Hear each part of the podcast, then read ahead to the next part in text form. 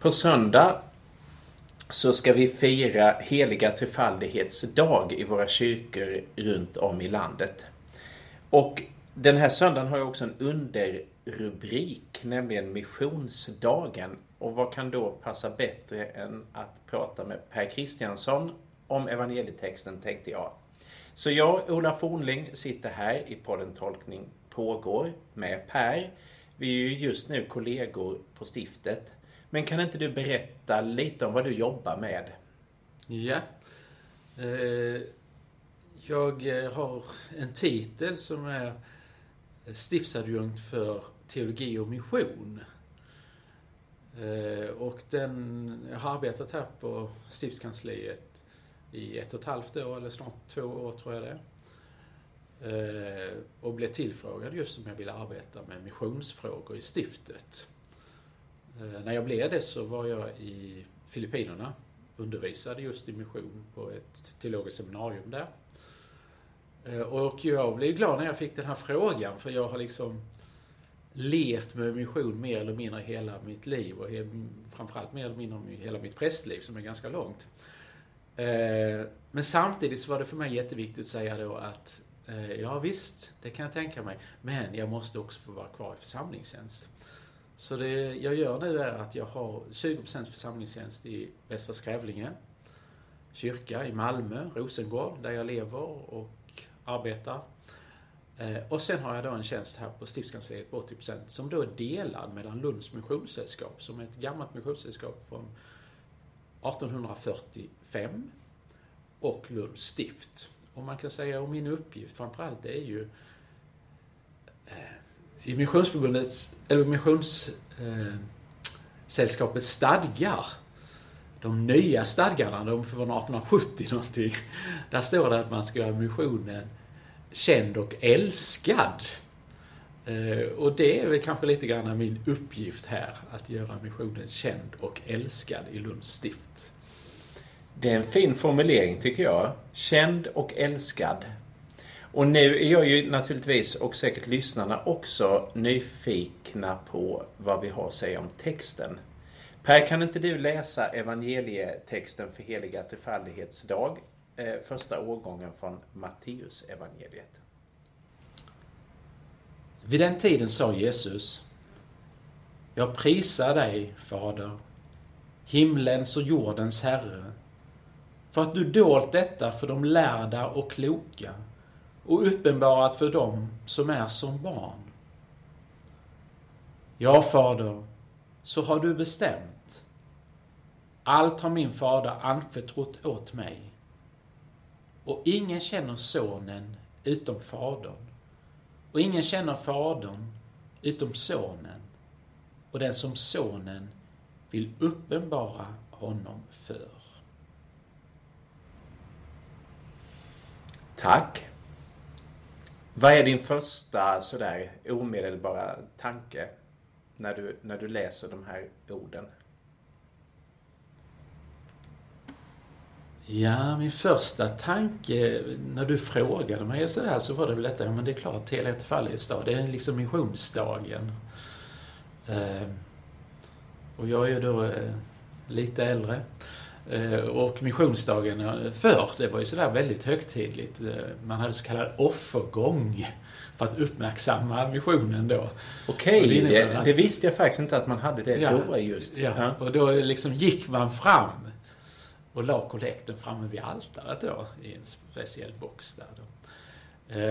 Och så tänkte jag, men den här texten är inte så mycket missionstext. Det var nog min första mm. tanke. För det är faktiskt min också. Och, då började jag tänka, varför, vad är kopplingen egentligen med mission och treenigheten? Alltså varför har de två liksom bitarna blivit ett i vår kyrkohandbok? Vet du det? Eller, eller hur, hur har man tänkt, tror du? Alltså jag tror eh, hur, hur, man har tänkt i kyrkohandboken vet jag inte och, och, tidigare, för det här är ju liksom den gamla missionsdagen. Eh, och det kom ju liksom till eh, redan 1876 tror jag. När Svenska kyrkans mission, då skulle man ha en dag som var speciellt och det, det var liksom ålagt alla präster. Så det var liksom så tydligt att det skulle vara kyrkans mission. Mm. Inte Lunds Missionssällskap var då en, en sällskapsmission. Och det var andra sällskapsmission. Men Lunds Missionssällskap bildades faktiskt för att man ville föra missionen närmare kyrkan. Och nästa steg blev då att Svenska kyrkans mission bildades. Okay. Och, då fick, och då fick vi också dessa, eh, denna missionsdag. Mm. Eh, men treenigheten och mission, Mm. det är både någonting som är väldigt, väldigt, väldigt gammalt och som är relativt nytt skulle man kunna säga. För att ordet mission, det användes bara i den gamla kyrkan just i sändningen i treenigheten. Mission betyder ju sänd. Mm, nej men precis. Och det begreppet användes bara när vi talade om sändningen i treenigheten. Fadern har sänt Sonen och den heliga Ande. Det var inte förrän på 1500-talet, eller ännu senare, ja, 1500-talet egentligen, som eh, jesuiterna började använda det. Och då var liksom missionen, det var det som var ålagt från, från påven då, när påven sände dem med ett uppdrag. Eh, där började man använda samma ord igen, mission. Okej. Och sen blev det eh, allmänt att liksom gå ut. Eh, och så som vi tänker oss mission många gånger idag. Va? Men, men tidigare så hade det bara varit inom. Och sen kan man säga att på eh, 1900-talet då så var det Karl Barth som återförde det till, Okej, det visste jag inte. till treenigheten. Och lyfte fram just detta, att det var där som missionen ursprungligen, det uttrycket hade använts. Eh, och att det då alltså var Guds mission. Och då hamnar vi i det som senare delen av 1900-talet och, fortfarande är väl det som förenar många, många, de flesta i kyrkorna. Eh, vad är mission egentligen? Jo, det är Guds mission. Vi står i Guds mission. Det är Gud som sänder och vi får vara en del av den sändningen. Eh, ibland skojar man och säger då att eh, förr så sa man att kyrkan har en mission. Nu säger vi tvärtom att missionen har en kyrka. Okej, ja. Men vad innebär det då att, att det är Guds mission? Om vi gräver lite där. eh, Vad, vad liksom innebär det för oss? Där? Vad, vad, vad, är det, vad gör det med vårt uppdrag? Liksom? Att, att tänka så. För jag tänker att det måste ju vara någon fortsättning då här. Att, Ja. att fadern Ja. ger förtroende till sonen. Ja. Anden är ju inte med i denna texten Mm. direkt i alla Mm. fall. Eller nämns inte direkt. Och sen sonen ger ju på något sätt uppdraget vidare till oss. Och kanske ännu tydligare i andra årgångar när det är Mm. precis det här avskedstalet Mm. från Matteus. Men det Mm. finns ju ändå en, en viss Mm. Anstrykning av det här Ja. säga. Jag, jag tänker så här att mission, så som det har varit, blir ju lätt eh, någon slags eh, aktivism. Mm. Kan, kan ibland vara ganska så påträngande aktivism. Eh, och det vet vi att det är liksom missionens historia så finns det både mörka sidor och, och Mm. fantastiskt ljusa sidor. Va? Alltså liksom, Nej men den där nid, lite nidbilden. För det är klart att som du säger det är ju en väldigt komplex berättelse Ja. naturligtvis. Kyrkans mission. Men Ja. det finns ju den här bilden av att nu Precis. ska vi frälsa hedningar. Precis, Alltså precis. den. Ja. Eh, och då tänker jag på något sätt att det blir det att vi måste göra någonting. Men här talas det ju då om eh, uppenbarat för dem som är som barn.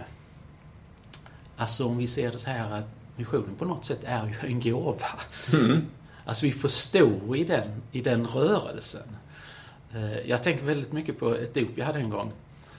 Och eh, fadern var en äldre företagsledare som hade varit företagsledare tror jag, för hela Asien eller hela eh, Ryssland för något stort svenskt företag. Och efter dopet så kom han fram till mig och sa han, du Per, det här är inte enkelt. Han hade då läst en bibeltext. Och vilken hade han då läst? Jo, den som inte blir som ett barn. Mm. Och Det var inte enkelt för honom att identifiera sig. Han hade varit chef för hur många som helst. Eh, och så skulle han liksom, det var så, som ett litet, litet barn. Och det där har jag tänkt på väldigt många gånger. Vad innebär det? Jo, när man har de där dopen så ofta är det ju andra barn med. Och ibland är det något barn som ligger vid, vid bröstet. Och så när man står där framme så hör man ett gnyende. Ett barn som liksom bara tar emot. Mm. Presterar inte. Gör ingenting på det viset, utan bara, bara tar emot. Och det tänker jag på något sätt att det är detta då att liksom stå i den här rörelsen. Det är inte på mig det beror. Utan Nej. jag får ta emot och, och föra vidare då. Va? Eh, Jag läste apropå att kungen fyllde 75. Eh, Så var det i Dagens Nyheter då en artikel där de var upprörda över att Expressen numera hade blivit eh, monarkister. Det har de då inte traditionellt varit. Och så stod det en eh, artikel om detta, det var nog Per Svensson som hade skrivit den, som har ju sina rötter i Malmö. Då. Just det. Eh, och då lyfte han merokrati mot monarki. Numera menar han så bygger vårt styrelsesätt på merokrati. Alltså du meriterar dig för ledarskapet. Eller meriterar. Just det, det Ja. tror jag att jag snuddade vid Ja. det där också på något Ja, sätt. och det, det är liksom Mm. ingenting att säga om när det gäller monarki och merokrati. Nej, nej. Men Men- det jag tänkte på var just detta, att vår tro är ingen merokrati. Mm. Utan det är ju liksom bara någonting vi får va? ta emot. Som det där barnet. Mm. Och där någonstans ser jag också detta med missionen. Va? Alltså det är egentligen inte så mycket beroende på mig, utan jag får ta emot. Och ställer Nej, mig i den rörelsen. Mm. Och här i, i texten är det ju också väldigt tydligt att, att eh, och ingen känner sonen utom fadern och ingen känner fadern utom sonen och den som sonen vill uppenbara honom för. Ja, alltså precis. aktiviteten ligger ju egentligen inte alls på, på att jag vill ta, att jag måste liksom göra något för att ta Nej. emot utan vill. Det, Ja. det är ju nästan provocerande på ett Precis. sätt att aktiviteten här är ju Guds Ja, fullt ut. Fullt ut. Så. Det är Gud Eh, som är den aktiva, mm. som är den handlande. Och det är också spännande när du säger det här med vill. Jag, jag, jag tänkte på det. Eh, för att texten är ju på ett sätt kan vi säga väldigt krist, kristocentrisk. Mm. Det, det, det är ju tydligt här. Och, och samtidigt, jag bor i Malmö och, och vi har en värld liksom som, är, som är, ser väldigt, väldigt annorlunda ut mot bara för 50 år sedan. Eh, Jag har muslimska vänner i Malmö och jag har muslimska vänner runt om i världen. Och hur hanterar man det här då? Eh, och jag vet när jag, jag var ung präst en gång i tiden, framförallt ung i, kanske i missionssammanhangen, så läste jag lite skrift av Björn Fjärstedt. Eh, jag tror den hette Himmelrikets hemligheter eller någonting sånt där. Och då skrev han i alla fall så här, jag hade visst, visst, Jesus säger jag är vägen, sanningen och livet. Men han skriver ju inte Svenska kyrkan. Han skriver inte Nej lutherska kyrkan, inte ens gång protestantiska kyrkan, inte kyrkan, eller säger. Utan jag är. Och då tycker jag också det blir så tydligt, den som känner Fadern som Sonen vill uppenbara honom för. Va? Alltså det, det är, det är inte vi Nej. som avgör, som begränsar. Eh, och det var därför jag tog med den här boken, Christian Ja, Church. Just det, det ligger en bok här på bordet eh, mitt emellan oss. Eh, Theology of Hope. Eh, och du pratade lite om den innan vi satte Ja. igång. Ja. Vad Eh. gjorde att du, att du tog med dig boken? Jo, för det hade just med det här att göra. Christian de Church, vars texter den här boken bygger mycket på, han var då prior i eh, klostret i Tiberin, där sju stycken munkar blev kidnappade och dödade 1996. Också gjorts en film eh, som vann på Cannes, i Cannes tror jag, om gudar och människor. Eh, men han talar om the greater Christ. Alltså att vi inte kan förminska. Vi har så lätt att förminska Kristus till vår Kristus. Mm.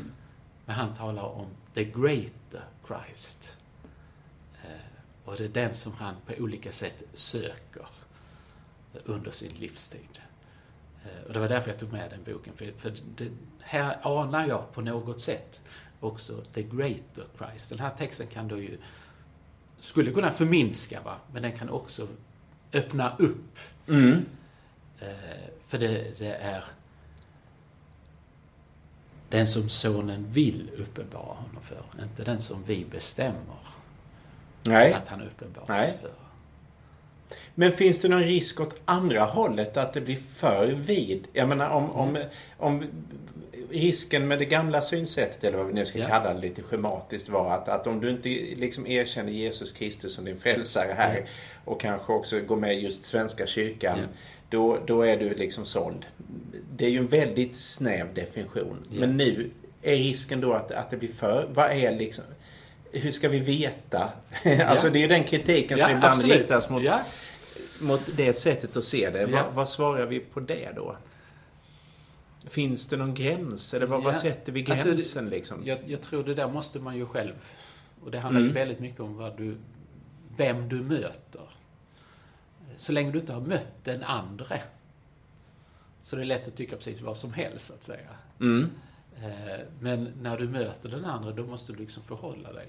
Och det är samma sak, jag kan bara vara personlig där och säga, det som har hjälpt mig i det här, det är faktiskt ett utlåtande från missionskonferensen i San Antonio 1989. Eh, Då diskuterade man den här frågan. Men den här, den här frågan har liksom diskuterats under hela missionens historia. Mm. För mission har ju också handlat om att hela tiden vara där i gränslandet och möta den andra. Och vågar du ärligt vara där, ja då måste du börja ställa de här frågorna. Eh, och San Antonio, då säger man så här där på engelska. We cannot point to any other way of salvation than Jesus Christ. At the same time, we cannot put any limit to God's saving power. There is a tension between these affirmations, which we acknowledge and cannot resolve. Alltså som, som kristna, och jag personligen, jag kan inte peka på någon annan frälsning än Jesus Kristus. Alltså vägen till frälsning. Det är min uppgift. Mm. Det är min kallelse som kristen och min kallelse som präst. Men samtidigt, och det handlar väldigt mycket om jag då ska kunna vara ärlig mot mig själv när jag sitter med min gode vän imamen Roland i Malmö. Då kan jag inte liksom förminska Guds frälsande kraft. Jag kan inte begränsa den. Min uppgift att peka på Jesus, ja. Men jag kan å andra sidan då inte begränsa och säga det är bara här som Guds frälsande kraft är verksam. Mm. Eh, Och som de säger här, det här är ju en spänning mellan det här, självklart. Men de här två synsätten. Eh, Och den kan man bara liksom erkänna. Och säga Mm. så är det. Nej men eh, det är en väldigt fin formulering tycker Mm. jag. Jag lyssnade på ett samtal igår på nätet mellan Anders Pilz och Lena Sjöstrand. Eh, Anders som ju är katolik Ja. och Lena som jobbar i domkyrkan här. Ja. Som domkyrkokaplan. Som var väldigt respektfullt. Ja. Alltså på, på olika sätt. Jag, tycker, och det, jag tänkte just det var ett samtal som kanske det hade inte varit möjligt för, för några år, kanske till och med innan påven var här. Nej, Sådär, att nej. det har ju hänt väldigt mycket. Jag tycker de här imperativen då om vi tar inom vår kyrko, alltså mellan Svenska kyrkan och katolska kyrkan, protestantiska kyrkan. Mm. Att, att tolka varandra till det bästa. Att Ja. se rikedomen hos den andra. Ja. Mm. Det tycker jag också är ett väldigt fint sätt att, att se. När du säger detta så tänker jag, det har jag pratat med Lena om också då. Eh, Kvällen innan påven var i domkyrkan så var jag i Sankt Peters kloster och lyssnade på broder Alois från Mm. TC. Och då talade han om att eh, vara under samma tak. Att samlas under samma tak. Och det är någonstans det missionen har gjort alltid. Va? Alltså man har vågat möta den andra under samma tak.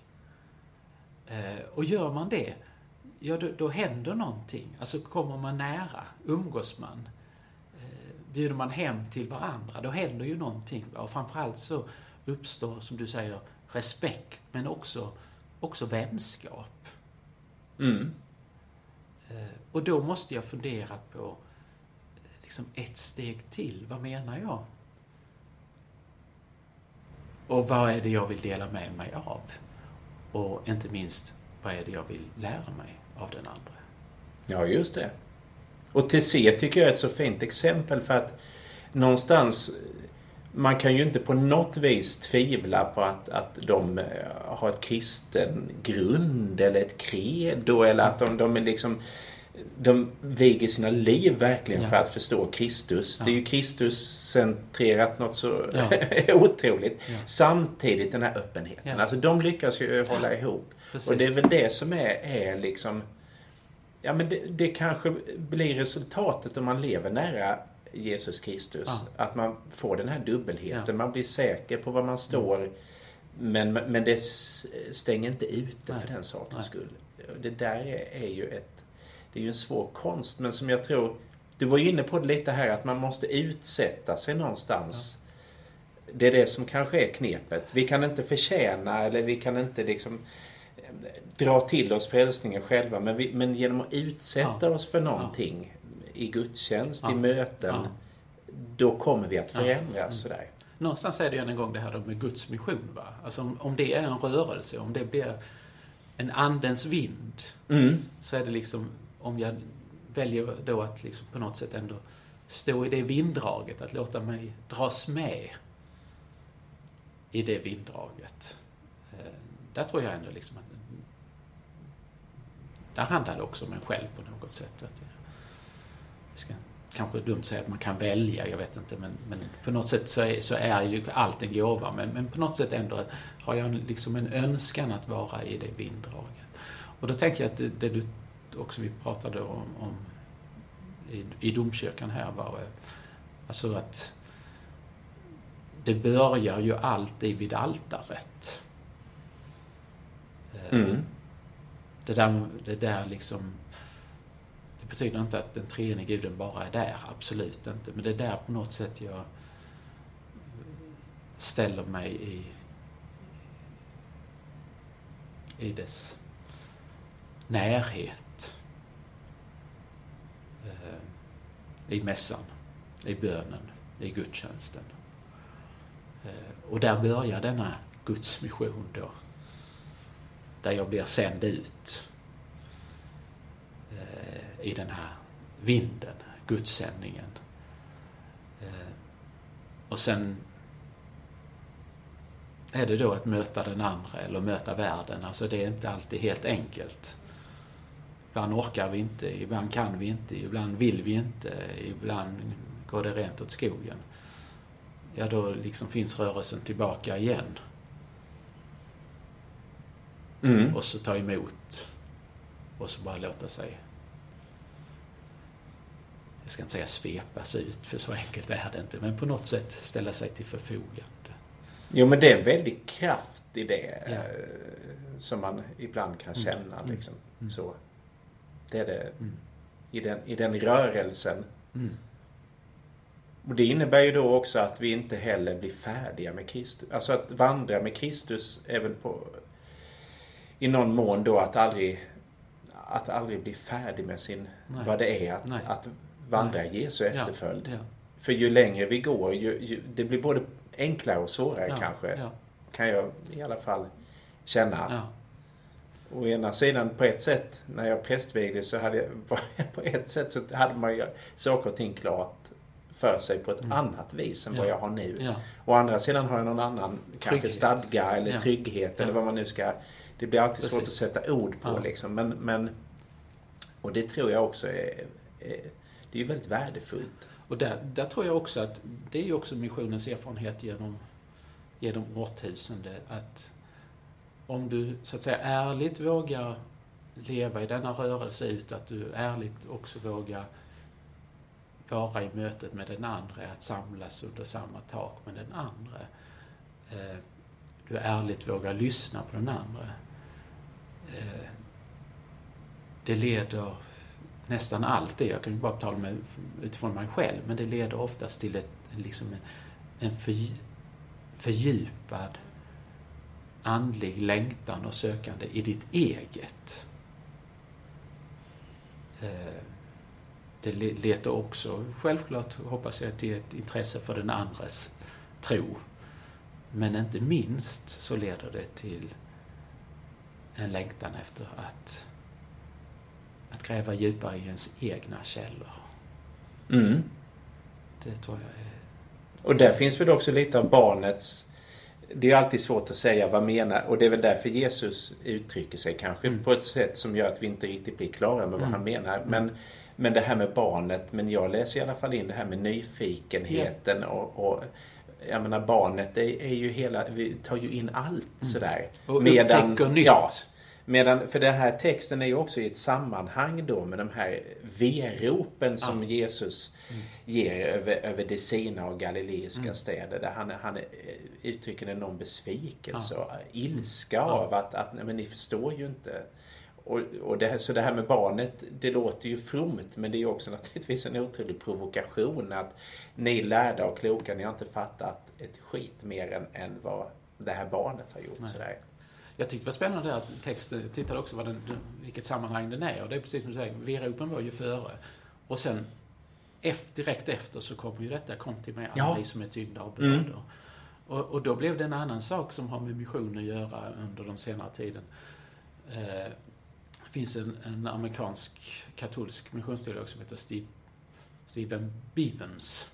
Eh, och han talar om eh, profetisk dialog. Alltså att, att kyrkans uppgift, eh, mission, är att liksom både profetiskt höja rösten och samtidigt lyssna. Eh, man kan ju också säga profetisk diakoni. Att både liksom peka på det som är inkröktheten i världen och tydligt göra det. Och så samtidigt lyfta börda av, befria. Mm. Både peka på slaveriet men också befria. Visa på det som befriar från slaveriet. Ja, vad fint. För det, det finns ju verkligen, jag har inte tänkt riktigt på det förrän du sa det nu, men det finns ju här då att Först är den här ilskan. Mm. Sen kommer liksom det här att, att ingen förstår som inte Gud uppenbarar för. Men kom till mig. Mm. Så ska du få veta. Alltså om du är tyngd av bördor, kom till mig. Mm. Och då, då kommer jag också befria dig. Mm. Och vilka var det som kom då sen och vilka var det som inte kom? Det kan Mm. man ju fundera över. Men, men eh, det, är, det här finns verkligen ett helt liksom, register av hur, hur människa, Gud Mm. samspelar och, Mm. och fader och son och, Mm. och sådär. Mm. För annars så tänker vi ofta att profetisk är bara att vara arg. Men, men det är ju Precis. det, precis. Du lyfter ju fram en, en så att säga omhändertagande aspekt här Ja, också ja. som är, är nog så viktig. Och jag tycker, och vi pratar ju mycket om att samhället håller på att bli polariserat och du pratade om, om våra muslimska systrar och bröder och just nu är det ju en debatt i Malmö om begravningsplatser Ja. Som jag tycker är så otroligt sorglig på Mm. något sätt. Att, eh, där man ifrågasätter då att kyrkogårdar, att muslimer ska ligga begravda. Ja. Alltså det finns en väldig rä- och det måste ju bygga på någon slags rädsla då att Ja. vi ska hålla den andra borta och Ja. absolut inte liksom beblanda oss. Medan missionsperspektivet i det som jag tolkar det är tvärtom att vi ska beblanda oss. Och, och göra det på, Mm. ett, på ett sätt som Mm. gör att vi också påverkas. Mm. Men det är inte detsamma som att ge upp vilka Nej. vi är Nej. eller, eller bli någon Tvärtom. slags liksom bara kork som flyter med. Men, men, men tvärtom. Om, man, om man liksom ska bara säga en sån här klyschig mening så kan Mm. man säga att det är ju liksom att dela tro och liv. Om man, om man ska verkligen förenkla det på något sätt eller med en mening bara säga vad är det då? Jo men det är att dela, dela tro och liv. Dela tro med varandra, dela livet med varandra. Eh, Det är det vi sänder att göra. Mm. Eh, eh, Anna Aldén, hon, hon säger så här som jag är en av våra svenska missionsteologer får vi väl säga och dessutom varit min chef en gång i tiden. Hon säger att vi, vi har liksom en dubbel sändning. En sändning har vi tillsammans i skapelsen. Alla som människor. Och det är att vi sänder till varandra. Sänder för att liksom tillsammans verka för det goda livet. Och sen som kristna så har vi en, ytterligare en sändning och det är att berätta vår berättelse om Jesus Kristus. Eh, Ja, det, det är så som hon liksom försöker Mm. på något sätt liksom centrera vad, vad, vad, är, vad är detta med, med missionens sändning? Jo, hon ser det i de här dubbla sändningarna då. Sända till varandra med alla människor av god vilja Mm. och sända att berätta vår berättelse. Mm. Men som jag tänker också att lyssna på den andres berättelse. Absolut, och det behövs ju. Jag jobbar ju själv just nu med, med klimatfrågan och, det är ju verkligen någonting som jag menar klimatet lyssnar ju inte på våra trosbekännelser eller, eller så utan här behöver vi ju verkligen Mm. här hitta, Det är ju en existentiell fråga Mm. där, där vi verkligen måste Mm. eh, liksom jobba Mm. tillsammans. Men där vi också naturligtvis kan vara tydliga med det här kan vi som kyrka bidra med Ja, gudstjänsten precis. och Ja. ödmjukheten, Ja. tjänandet, Ja. allt det där som Ja. är, vår insida. Så. Ja. Jag tror det är jätteviktigt att vi liksom lyfter att detta är kyrkans uppgift. Eh, Att stå i Guds mission, det är ju att, att fira gudstjänst. Mm. Mm. Det, det börjar liksom där. Och gudstjänst är ju också och församling någonting som vi gör, där vi, våra perspektiv måste liksom brytas mot Ja, varandra. ja. Det handlar inte bara om mitt individuella förhållande Nej. med Gud utan Nej. jag måste också sätta mig i bänken bredvid Ja, dig och ja. bredvid alla olika människor som finns där och tillsammans så får Ja. vi ett tilltal av Gud. Det är också precis. någonting som jag tycker vi kanske lite har tappat bort i vår individuella tid. Att, att det, det kollektiva. Församlingen är någonting kollektivt. Ja, ja. Det är Guds tilltal till oss som Ja. folk. Mm. Det är ju, Och det är ju också med treenigheten, om vi liksom hamnar där igen, att Gud är gemenskap. mm. Mm. Församlingen är en gemenskap. Vi står i Guds mission i gemenskapen.